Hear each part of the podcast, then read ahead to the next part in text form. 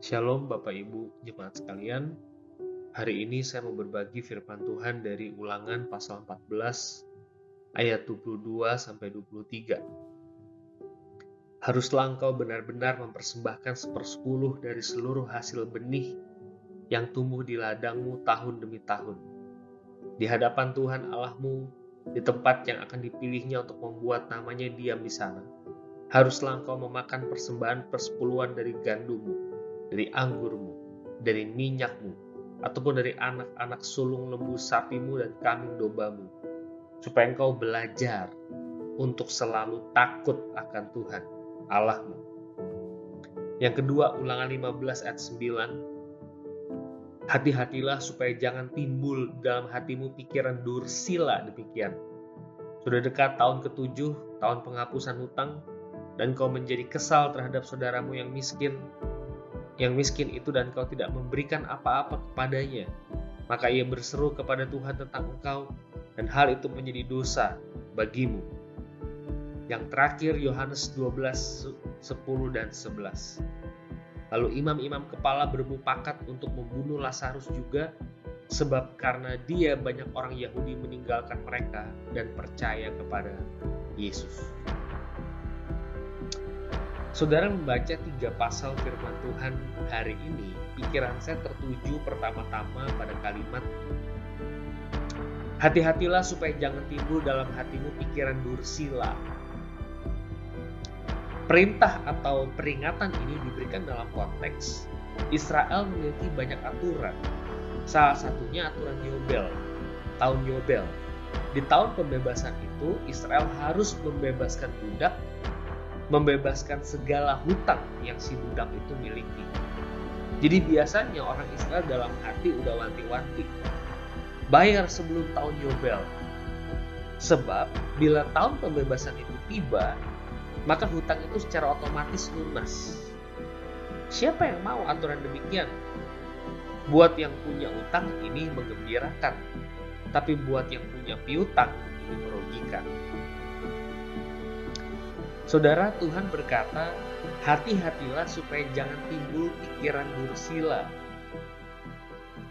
Saya ingat tahun lalu saya pun merefleksikan hal ini di dalam saat teduh saya. Pertanyaannya, siapa yang bisa mencegah pikiran dursila timbul? Gak ada yang bisa. Kita lihat orang lain lebih baik, pasti tumbuh pikiran iri, Betul nggak? Kita lihat orang lebih menderita, pasti timbul pikiran happy. Selalu begitu mekanismenya kan. Orang Farisi lihat Yesus dihormati banyak orang. Mereka sebel bahkan mau membunuh Yesus beserta Lazarus. Saya nggak habis pikir kok bisa Lazarus mau ikutan dibunuh. Tapi itulah pikiran dursila, pikiran dosa. Bagaimana saudara-saudara kalau udah begini situasinya? Di ulangan 14 saya kutip di atas ada sebuah ide. Hiduplah dalam disiplin rohani supaya kita belajar takut akan Tuhan. Supaya pikiran dursila itu lebih mudah dikontrol. Supaya nggak gampang timbul supaya kita nggak gampang baper. Frase yang penting buat kita di ulangan 14 itu supaya engkau belajar untuk selalu takut akan Tuhan Allah. Saudara, maukah kita belajar takut akan Tuhan? Maukah kita belajar mengontrol keimpulsifan kita? Maukah kita belajar mengendalikan diri kita? Kalau saya lihat di dalam ulang 14, maka hiduplah dalam disiplin rohani. Kalau menurut ulangan 14, berikan perpuluhan ke Tuhan. Dan saya mau tambahkan disiplin rohani, bukan saja perpuluhan. Bacalah Alkitab setiap hari.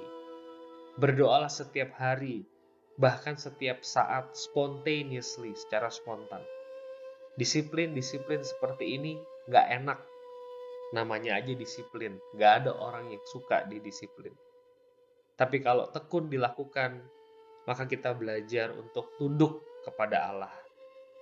Orang yang takut akan Allah bisa mengendalikan emosinya. Saya percaya firman Tuhan hari ini benar adanya. Tuhan memberkati.